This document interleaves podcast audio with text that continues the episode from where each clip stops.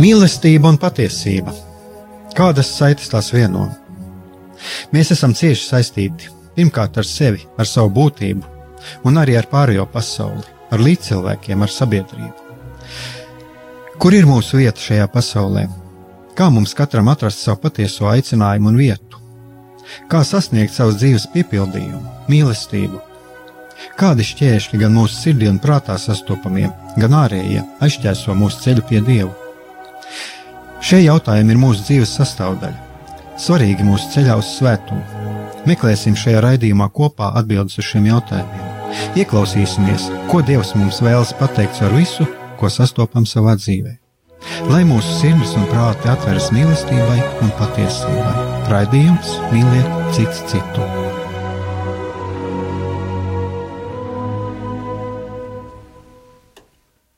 Lai top slavēts Jēzus Kristus, esiet sveicināti, darbie radioklausītāji. Studijā esmu es, Egars Brikmanis, un šis ir raidījums Mīliet cits citu.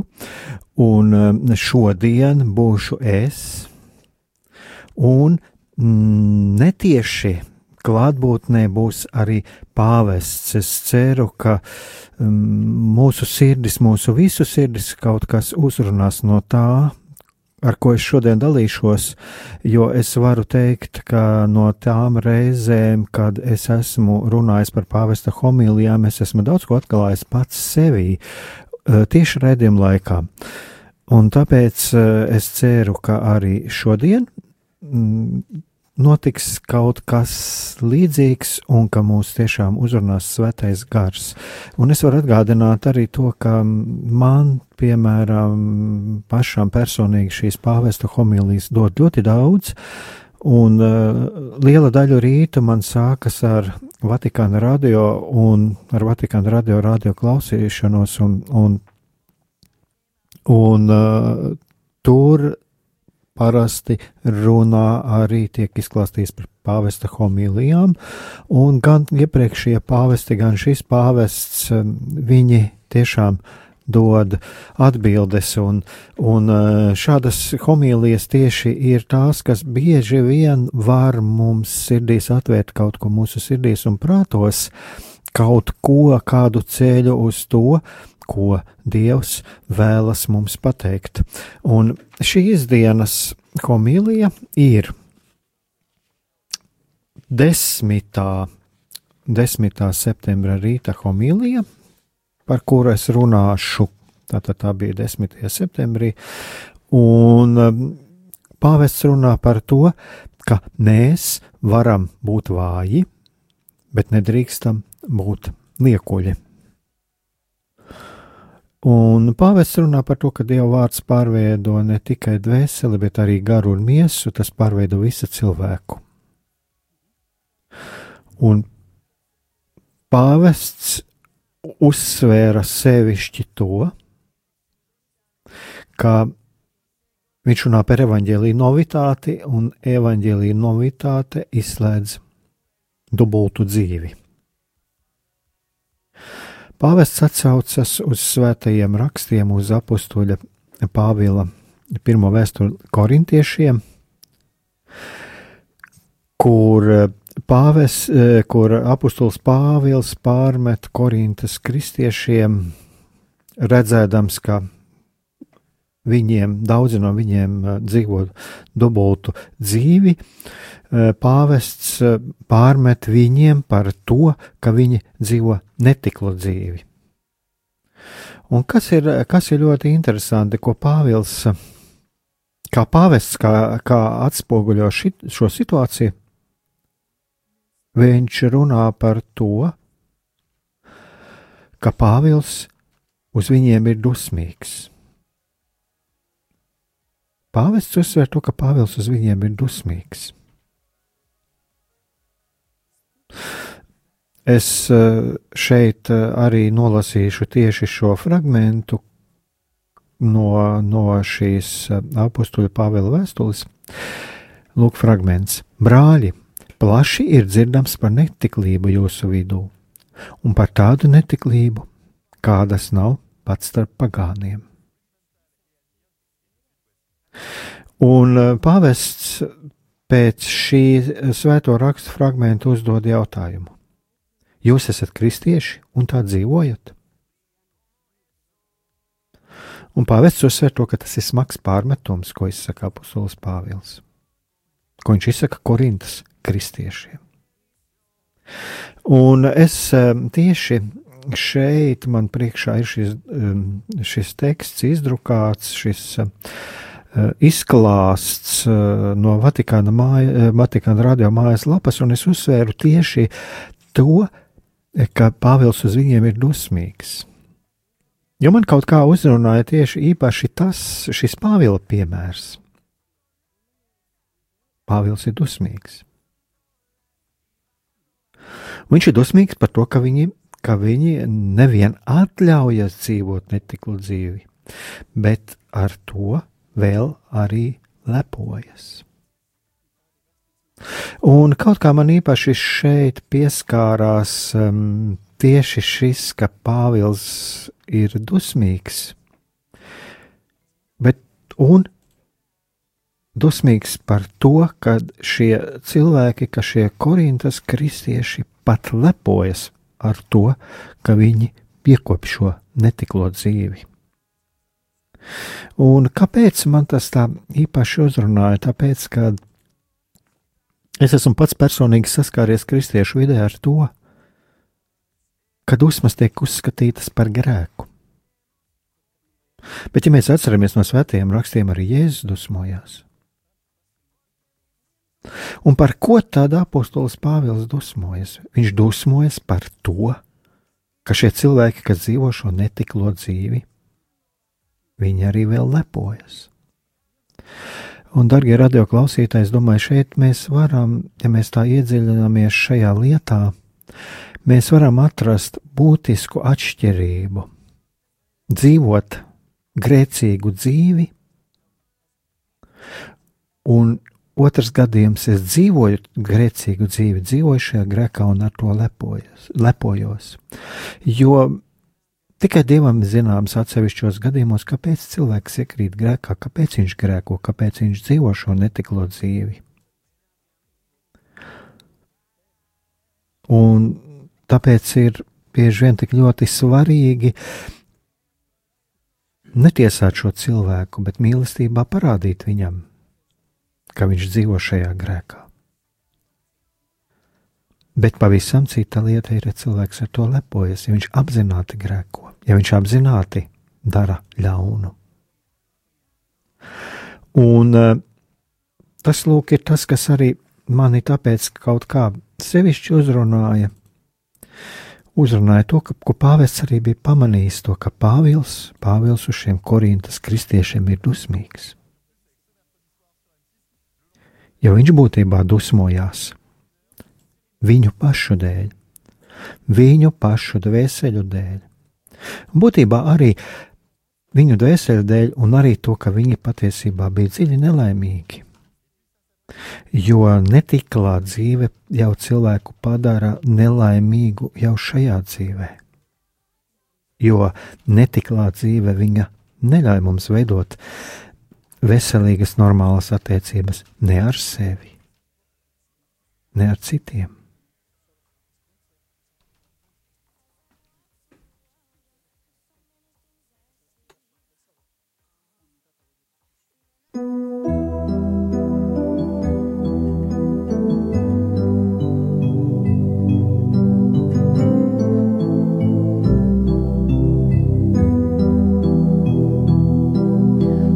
dari mani brīvu no visa, kas tevi nav. Kungs, dari mani brīvu no visa, kas tevi nav.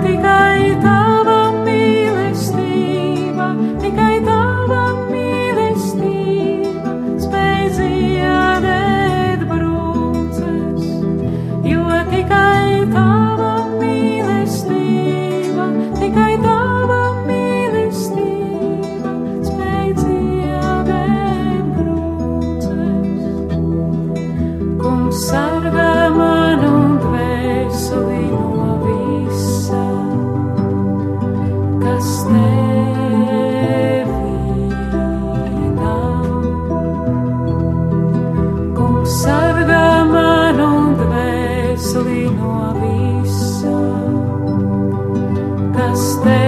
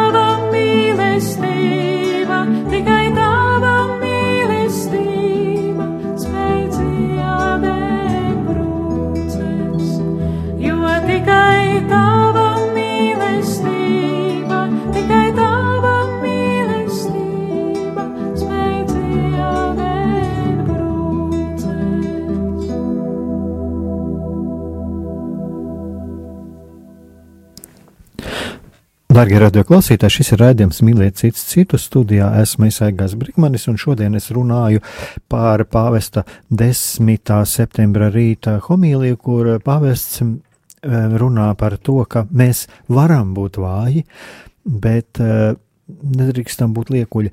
Un es domāju, ka arī tālāk eh, šī raidījuma gaitā mazliet arī es pārdomāšu par to, arī par šo vājumu, par šo vājumu. Uh, Un, bet tagad atgriezīšos pie tā, par ko es dalījos, manas pārdomas par, par uh, apstuļa Pāvila attieksmi, mm, neteiksim pat attieksmi, bet izjūtām, izjūtām.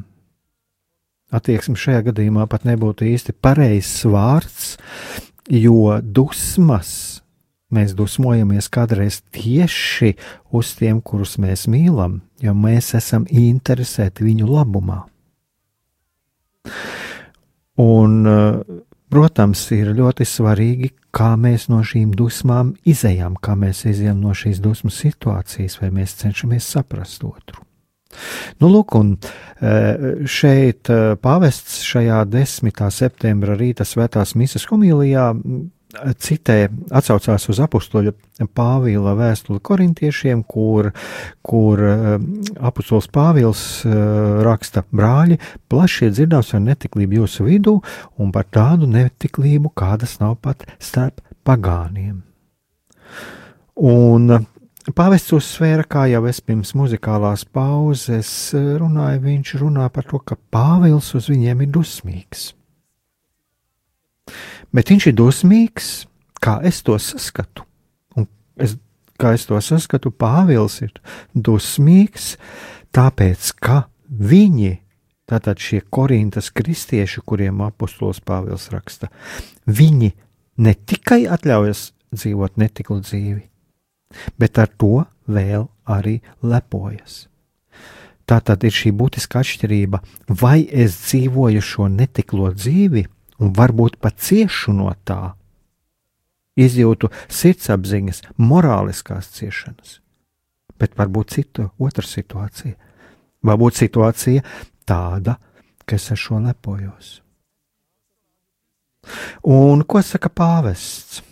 Pāvests runā par apakstuli Pāvilu. Un apustulis Pāvils atgādina šiem korintiešiem, ka mazliet rauga saraudzē visu mīklu.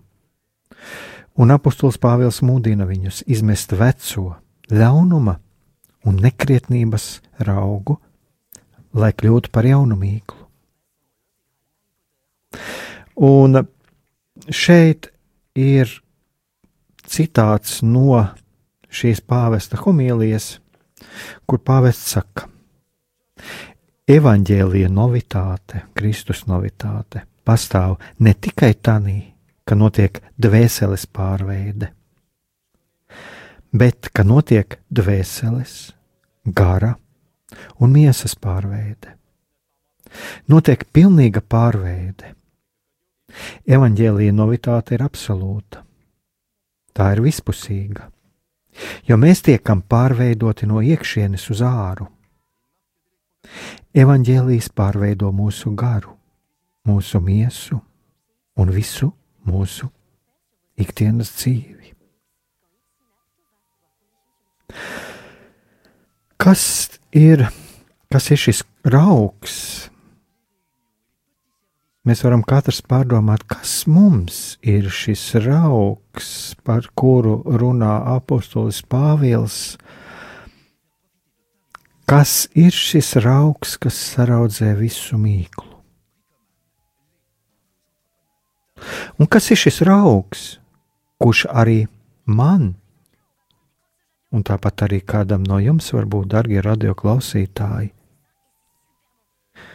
Kas ir šis ļaunuma un nekrietnības rauks, kuru vajadzētu izmest?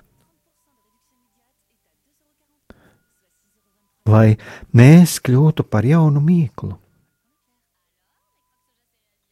Es domāju, dargi, domāju darbie radioklausītāji, ka ja šeit ir piemēram rakstīts tieši uzsvērts šis vārds netiklība. Un es domāju, daudziem no mums tas vairāk arī tādas asociācijas ar kaut kādiem seksuālas dabas pārkāpumiem. Un, jā, es arī tiešām varētu, arī šeit varētu to uzsvērt, bet man gribētos arī mazliet paskatīties plašāk. Šī netiklība tikpat labi varētu būt melošana, aprunāšana, savas varas stāvokļa ļaunprātīga izmantošana. Šī netiklība var būt zakšana, Šī netiklība varētu būt arī nevērība, nevērība pret tuvākajiem. Un es domāju, ka lūk, šādā veidā, ja mēs paskatāmies, tad patiesībā mēs varam paskatīties arī un atrast sevī kaut ko no šī rauga, kas mums ir jāizmet. Ja pāvests saka, ka evaņģēlīja novitāte, Kristus novitāte pastāv ne tikai tādā, ka notiek dvēseles pārveide, bet notiek dvēseles gara un miesas pārveide, ka notiek pilnīga pārveide, es domāju, arī ir vērts ieklausīties. Kas ir šī pilnīgā pārveide? Jo es jau varu dzīvot pēc dekaloga, es varu dzīvot ārēji pareizi, bet sirds var būt man pilna šīs netiklības. Un es varu slēpties no cilvēkiem, ārēji likties svēts, bet iekšā man ir šī netiklība, un es neesmu tas, kurš nes mīlestību apkārtējiem. Es neesmu tas, kurš, kurš kalpo otram. Jo man var gadīties, ka es esmu, man ir svarīgākais mana ārējā reliģiozitāte, mana ārējā ticības forma. Un lūk, šeit, darbie radioklausītāji, mēs varam varbūt nonākt pie tā, ka patiesībā tas, ko mēs esam redzējuši kā netiklību, ko mēs esam līdz šim skatījušies kā netiklību, mēs to varam saprast kā kaut ko daudz plašāku. Un vēl viena lieta, kas man klausoties šo homīliju, pēc tam viņu lasot un pārlasot, man ienāca prātā arī šīs situācijas, kas ir mūsu sabiedrībā, kas mums ir baznīcā. Mēs ļoti daudz runājam par morālo krīzi, par ģimenes krīzi. Bet tagad es atkal varu aicināt, ieklausīties katrā mūsu pašā. Cik no mums var būt, ka ir kas dzīvo kopdzīvi bez laulības? Cik mēs pazīstam tādus, gan baznīcā, gan ārpus baznīcas, kas dzīvo nereģistrētās attiecībās. Vai kristiešu skatojas, kuri nav saņēmuši šo laulības sakramentu. Un līdz ar to šis otrs cilvēks, ar ko dzīvojam kopā, viņš nejūtās līdz galam pieņemts, jo nav šīs stabilitātes sajūtas, ko mēs varam iegūt tikai atdodot, veltījot savu dzīvi, veltījot sevi otram, laulāto mīlestībā. Un kā mēs varam runāt par kaut kādu ģimenes vērtību stabilitāti šādā sabiedrībā, kur laulības nozīme ir pazudusi mūsu pašu, kristiešu starpā? Kā mēs varam nest šo labo evaņģēlīju augu, ja nav mūsu dzīves piemēra? Tieši to es īpaši gribu uzsvērt, tāpēc, ka ļoti daudz pēdējā laikā tiek runāts par ģimeni, par ģimenes vērtību. Bet, ja mums katru dienu nākas saskaties, un ja man patra, pašām katru dienu nākās klausīties šīs liecības un šīs sāpes, ko man stāsta cilvēki, kuri paši nav piedzīvojuši šo mīlestību, šo vecāku mīlestību ģimenē, un kuri redz to, kas notiek apkārt mūsu sabiedrībā. Un, lūk, un šeit mēs varam arī paskatīties, kur paliek šis mūsu labais raugs. Un varbūt pirms runāt par vērtībām, par likumību, ieskatīties pašam savā sirdīs. Mums katram ieskatīties. Jums, man, visai sabiedrībai, un pirmkārt jau mums, kristiešiem, katoļiem.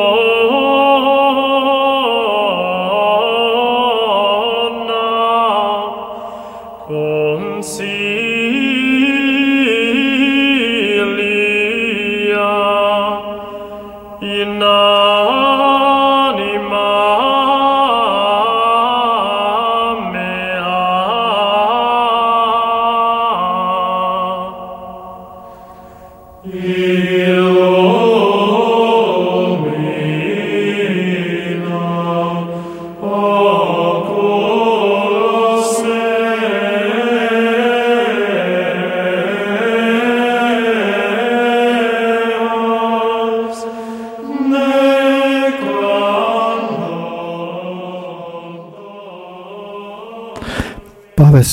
savā homīlijā atzina to, ka Korintas kristieši nebija sapratuši. Viņi nebija sapratuši to, ka evaņģēlijas nav kāda sociāla rakstura dzīvesveids vai kāda ideoloģija. Un uh, viņi nebija sapratuši to, ka tam līdzās, ka tam līdzās nevar pastāvēt kādi pagāniski ieradumi. Pāvests runā par to, ka evaņģēlīja novitāte pastāv tādā, ka Kristus ir augšām cēlies un nosūtījis par mums savu garu, lai mēs dzīvotu jaunu dzīvi. Taču pāvests uzsver to, un to viņš adresē arī mums, ka diemžēl mēs bieži vien labprāt pieņemam dažādas pasaulīgās novitātes, bet nepieņemam šo integrālo evaņģēlīja novitāti. Darbie radio klausītāji, mēs varam ieklausīties savā sirdīs un arī savās domās kādreiz. Un padomāt par to, vai nav tā, ka, piemēram, kādreiz, kas attiecās uz to pašu dekalogu, uz desmit dieva braušļiem, ka kaut kas ir tāds, ko mēs viegli pieņemam, un mēs it kā dzīvojam, bet citu mēs it kā atmetam malā un cenšamies neredzēt. Tas atkal var at attiekties gan, gan uz to pašu, kas attiecās uz šķīstību, bet tas var attiekties arī to pašu, kas attiecās uz tuvāku mīlestību, kas attiecās uz naudu, kas attiecās uz patiesības mīlestību. Cik bieži mēs samelojam? Cik bieži mēs samelojam? citiem, un arī sev mēs samelojam. Mēs samelojam paši par, se, paši par sevi. Un pāvests runā par to, ka Kristus ir augšām cēlies un nosūtījis par mums savu garu, lai mēs dzīvotu jaunu dzīvi. Un kas tad ir šis gars? Mēs ļoti daudz runājam par svēto garu. Bet kas mums katram, kā mēs, kā mēs ieklausāmies šajā dieva garā, kā mēs ieklausāmies Kristus sūtītajā svētajā karā? Pāvests runā par to, ka kāds varētu iebilst, ka mēs taču esam vāji un grēcīgi cilvēki. Bet pāvests uzsver to, ka Pāvils norāja korintiešus, jo viņi ir lem, remdeni un netikli ļaudis. Viņi simulē un liekuļo. Ja tu pieņem to, ka esi vājš un grēcīgs, tad viņš tev piedod. Bet, ja tu sauc sevi par kristieti un vienlaikus dzīvo pasaulīgi, tā jau ir liekulība. Un lūk, šeit mēs varam atgriezties pie, pie tā, ko, par ko es dalījos arī šī raidījuma sākumā, par šo līkuļošanu, ka mēs varam ārēji izlikties ļoti pareizi, ļoti likumīgi, bet sirdī mums var būt pavisam citas domas. Un šīs ārējā mūsu reliģiozitāte var būt tikai līdzeklis, lai mēs sasniegtu patiesībā kādu egoistisku mērķi. Ja mēs paskatāmies arī, ko pāvests ir pieminējis kādās citās savās homilijās, vai ko viņš raksta savos apustuliskos pamudinājumos vai savās uzrunās, tad mēs eh, redzam brīdinājumu, piemēram, no tā paša klerikālisma. No tā, ka mēs baznīcā patiesībā, ka baznīca mums var kļūt par vietu, kur veidot kaut kādu savu karjeru, kur apmierināt pašiem kaut kādas savas iegribas, savas ambīcijas. Un tad mēs vairs nevis kalpojam, bet tad mēs izmantojam, mēs sakam manipulēt. Un lūk, un, bet pāvests arī atgādina to, kur ir mūsu izēja, jo, protams, Es pats, darbie radioklausītāji, šeit sēdēdams, es apzinos, ka es esmu vājš, es esmu grēcīgs, man ir tendence arī pašam iekrist grēkā. Man pašam ir jākontrolē, jāprot sevi ar dieva žēlastību, bieži vien saturēt rokās, jo apkārt ir tik daudz izaicinājumu, un tas nav tik vienkārši. Es domāju, mums daudziem, mēs daudzi varam to atzīt. Mēs katrs patiesībā varam to atzīt. Mums ir apkārt šie izaicinājumi. Bet ko runā Pāvests Francisks? Viņš runā par to. Lūk, šeit ir viņa citāts. Ja tu pieņem to, ka esi vājš un grēcīgs, tad viņš tev piedod. Tātad viņš piedod. Dievs piedod. Un arī tajā brīdī, kad es pieņemu, ka es esmu vājš un grēcīgs, tad arī Dievs man nāk blakus līdzi, kā glābējs, kā stiprinātājs. Un tad jau es eju ar Dieva palīdzību, tad Jēzus ir man blakus. Bet, ja es saucu sevi par kristieti un dzīvoju pasaulīgi, tā ir liekulība.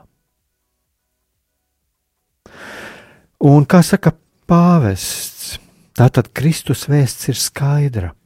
Viņš pats mūs brīdina: uzmanieties, lai neviens jūs nepieviltu. Jo daudzi nāks manā vārdā un sacīs: Es esmu Kristus. Un Pāvests Francisks atgādina to, ka ir tikai viens Kristus. Un neraugoties uz savu vājumu, mēs esam aicināti atzīt, ka Viņš ir atnācis, lai dāvātu mums grēku piedošanu.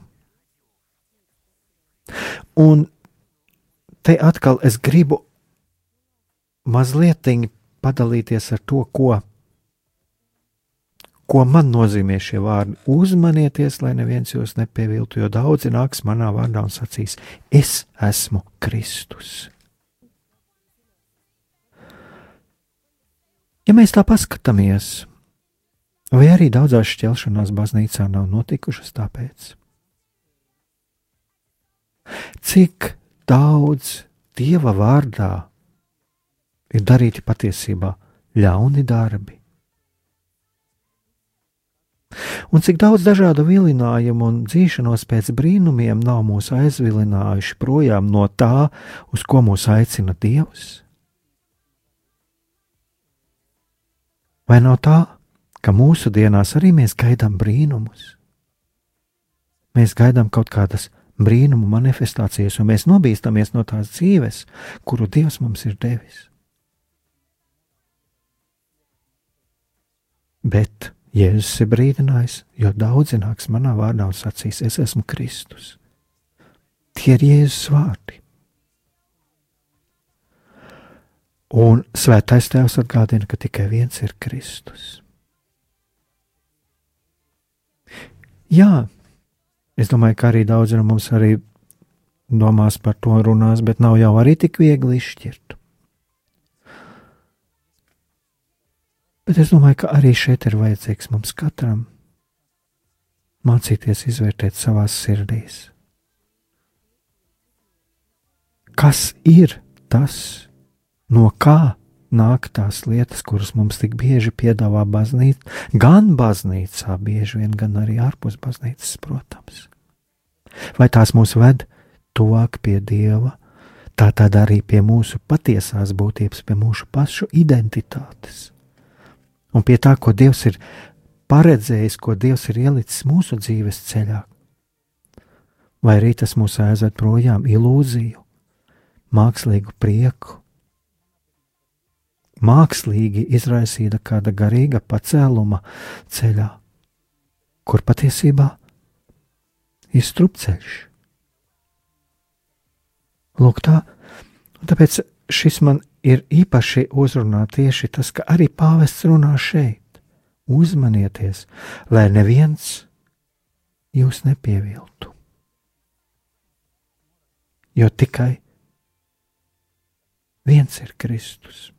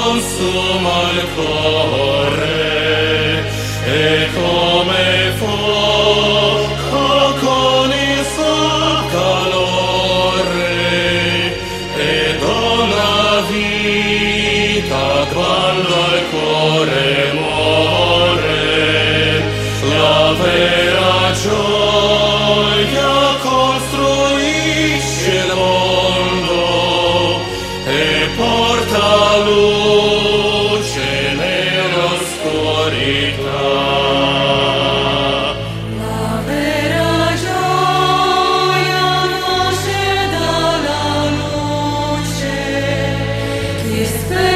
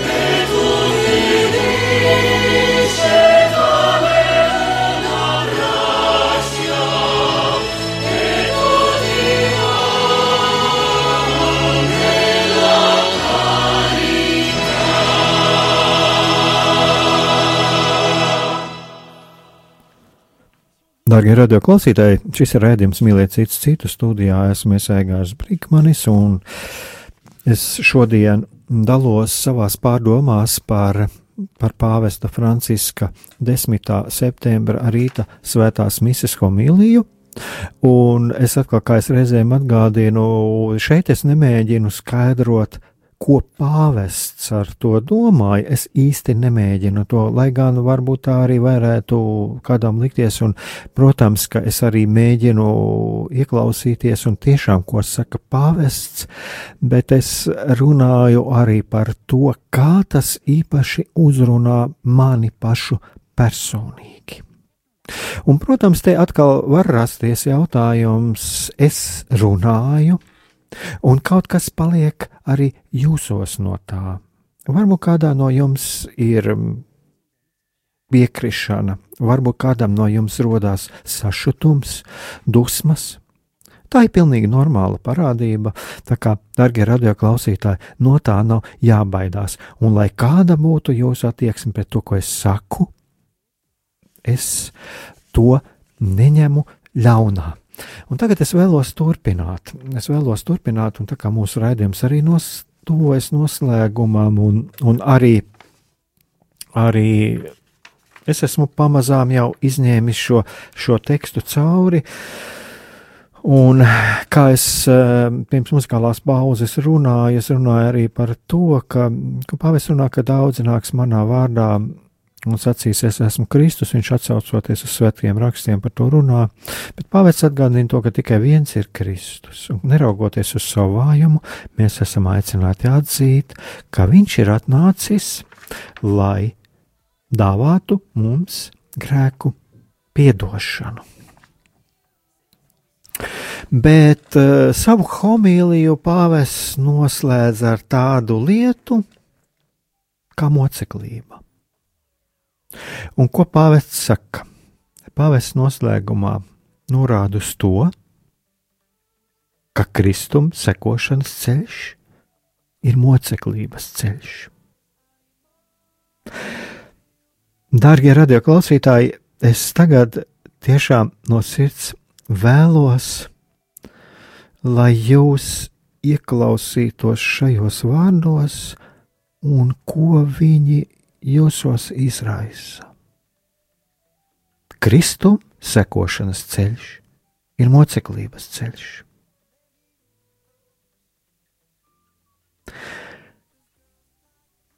Kādas izjūtas mums katram rodās dzirdot šos vārdus?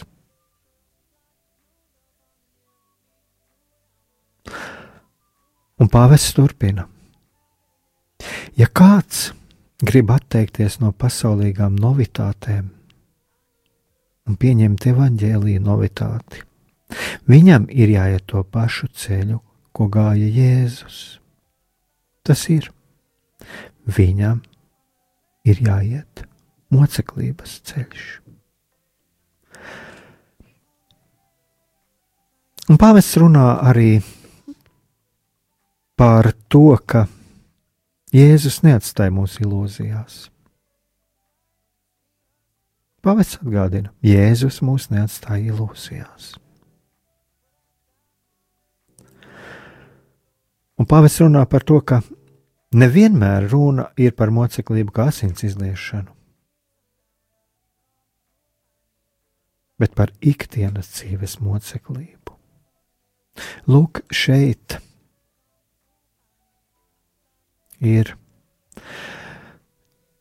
tas, ko es, kas mani pašu arī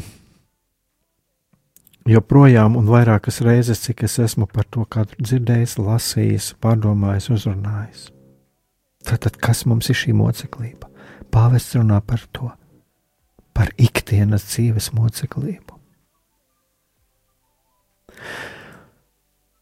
Pāvests saka, ka īsta kristieša dzīvē nav vietas evaņģēlīja vēsts atšķaidīšanai un dubultam dzīves veidam.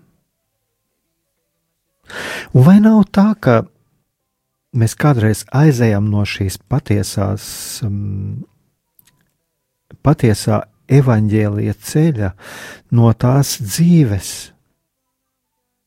kura balstīta evaņģēlijā? Ka mēs no tā aizējām vai cenšamies atšķ atšķēdīt šo savu dzīvi ar dubulto dzīves veidu.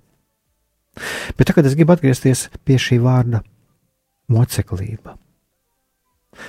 Kristuma sekošanas ceļš ir moceklības ceļš. Nu, lūk, un pāvests runā par to, kā jau es nolasīju, ja, ka pāvests runā par to, ka ne jau vienmēr runa ir par moceklību kā asins izliešanu, bet par ikdienas dzīves moceklību. Viena no lietām, par ko es domāju, mēs varētu kādreiz arī ļoti daudz un plaši runāt par ikdienas dzīves, par šo, par šo ikdienas dzīves moceklību, Jo pats vārds moceklība, pats vārds krusts, pats vārds grūtības, dzīves grūtības, pārbaudījumi. Es domāju, ka mums daudziem viņš izraisa negatīvas asociācijas, viņš izraisa bailes. Bet šeit es gribu atgriezties pie mūsu pašu tautas vēstures, un es gribu atgriezties pie Bīskapa Sloskāna moceklības. Tie, kas, darbie radioklausītāji, esiet lasījuši viņa dzīves stāstu, varbūt atcerieties to, kad pratināšanas laikā, tad, kad viņu čekā pratināja, viņš smaidīja. Es tagad precīzi necitēšu, es tikai zinu šo gadījumu, jo es esmu lasījis. Viņš smaidīja, un tad, kad tas pratinātājs, tas čekists viņam jautāja, kāpēc tu smaidi, viņš biskups Loskans atbildēja, es esmu brīvs, bet jūs neesiet brīvs. Jo kas tad ir šī moceklība?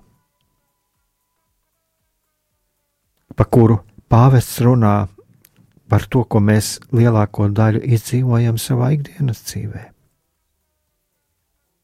Es pieminēju radikālu piemēru Bīskaps Loskānu, bet kas ir šī ikdienas dzīves moceklība? Manuprāt, tā ir tā moceklība, kurā patiesībā ir paslēpts liels prieks un liela brīvība. Manuprāt, tā ir tā moceklība, ko sajūt laulātie savā starpā. Kad ir kādreiz jāpiecieš, kad ir kādreiz jāupurē savus laiks otram laulātājam, vai tas ir slimībā, vai tas ir vēl kādās grūtībās, ko mēs dalām kopā, vai kādreiz daloties savās sāpēs, arī mums sāp otra cilvēka sāpe. Vai tas varbūt ir vecāku moceklība par bērniem, kad vecākiem sāp sirds par saviem bērniem, satraukums par bērniem, rūpes par bērniem, bērnu slimības, tā moceklība, kas ir pavadīta pie slimības gultas. Tā var būt vēl kāda moceklība. Es domāju, ka moceklība savu, ko piedzīvo arī konsekrētās personas, klosteru klusumos, priesteri, savā kalpošanā un saskaroties arī ar cilvēku bēdām, sāpēm. Es domāju, tā ir tā moceklība. Tā ir tā moceklība, ko mēs piedzīvojam, iziedami ārpus mājām un kā kristieši sajūsdami neizpratni no citiem, gan par mūsu dzīvesveidu, gan par mūsu morālo skatījumu, ko bieži vien mēs izjūtam kā vientulību, kā atstātību. Tā ir visa tā moceklība, bez kuras mēs nevaram izdzīvot savu patieso dzīvi kur mēs nevaram piedzīvot to prieku, ko piedzīvo tie vecāki, kuri ir sēdējuši pie sava slimā bērna gultas un kur piedzīvo šo bērnu at atmošanos, atveseļošanos. Tā ir tā moceklība. Tā ir tā moceklība, kura nes šos patiesos, skaistos augļus. Un tad Kad mēs esam sapratuši, ka mēs ar sirdi un prātu esam sapratuši šo moceklības nozīmi, tad mēs varam arī tā kā biskups Loskāns fizisko sāpju brīdī, fiziskās atstātības brīdī, smaidīt un justies brīvi. Es domāju, darbie radioklausītāji, ir, tas ties ir katrs mums ejamais ceļš, jo tas ir ceļš uz svētumu. Uz svētumu jau šeit, šajā savas dzīves ceļā, un kāda mums katram ir paredzēta šī moceklība. Iznest to evaņģēlīja gaismā, svētā gara gaismā, kopā ar Jēzu. Patiesu, īstu kristieša dzīvi kura nav atstāja, atšķaidīta ar dubultiem dzīves standartiem, bet patiesu, īstu kristieša dzīvi. Savā patiesajā, īstajā identitātē. Es esmu es, tāds, kādu pats Dievs man ir radījis. Iedzīvoju kopā ar Dievu.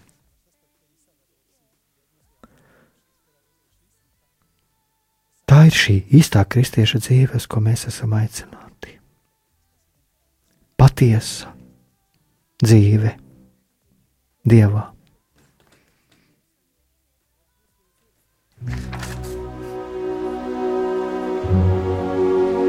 Mīlestība un patiesība. Kādas saites tās vieno? Mēs esam cieši saistīti pirmkārt ar sevi, ar savu būtību, un arī ar pārējo pasauli ar līdzcilvēkiem, ar sabiedrību. Kur ir mūsu vieta šajā pasaulē? Kā mums katram atrast savu patieso aicinājumu un vietu? Kā sasniegt savas dzīves piepildījumu, mīlestību? Kādi šķēršļi gan mūsu sirdī un prātā sastopamie, gan ārējie aizķēso mūsu ceļu pie Dieva? Šie jautājumi ir mūsu dzīves sastāvdaļa, svarīgi mūsu ceļā uz svētumu. Meklēsim šajā raidījumā kopā atbildes uz šiem jautājumiem. Ieklausīsimies, ko Dievs mums vēlas pateikt ar visu, ko sastopam savā dzīvē. lai mūsu sirds un prāti atveras mīlestībai un patiesībai. Raidījums mīliet citu citu.